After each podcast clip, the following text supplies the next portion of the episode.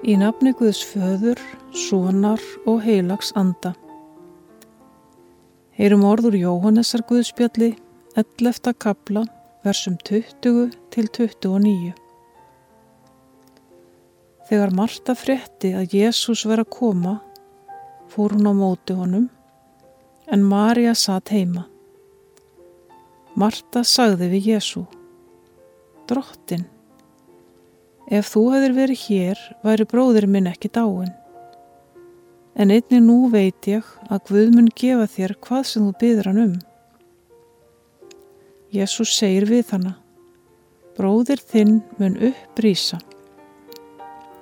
Marta segir, ég veit að hann rýs upp í upprisinu á efsta degi.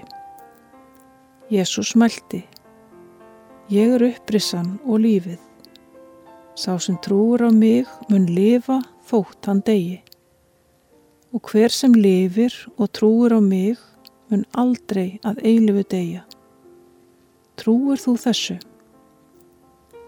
Hún segir við hann, já drottin, Ég trúi að þú sért Kristur, Guðs sonur, sem koma skal í heiminn. Að svo mæltu fór hún, kallaði Maríu sýstur sína og sagði í hljóði, Mestarinn er hér og vil finna þig. Þegar Maríu heyrði þetta, reys hún skjótt á fætur og fór til hans. Við skulum byggja. Drottin Jésús Kristur, Við þökkum þér fyrir að þú ert vinur sem þekkir, virðir og skilur allar okkar sorgir og þrár.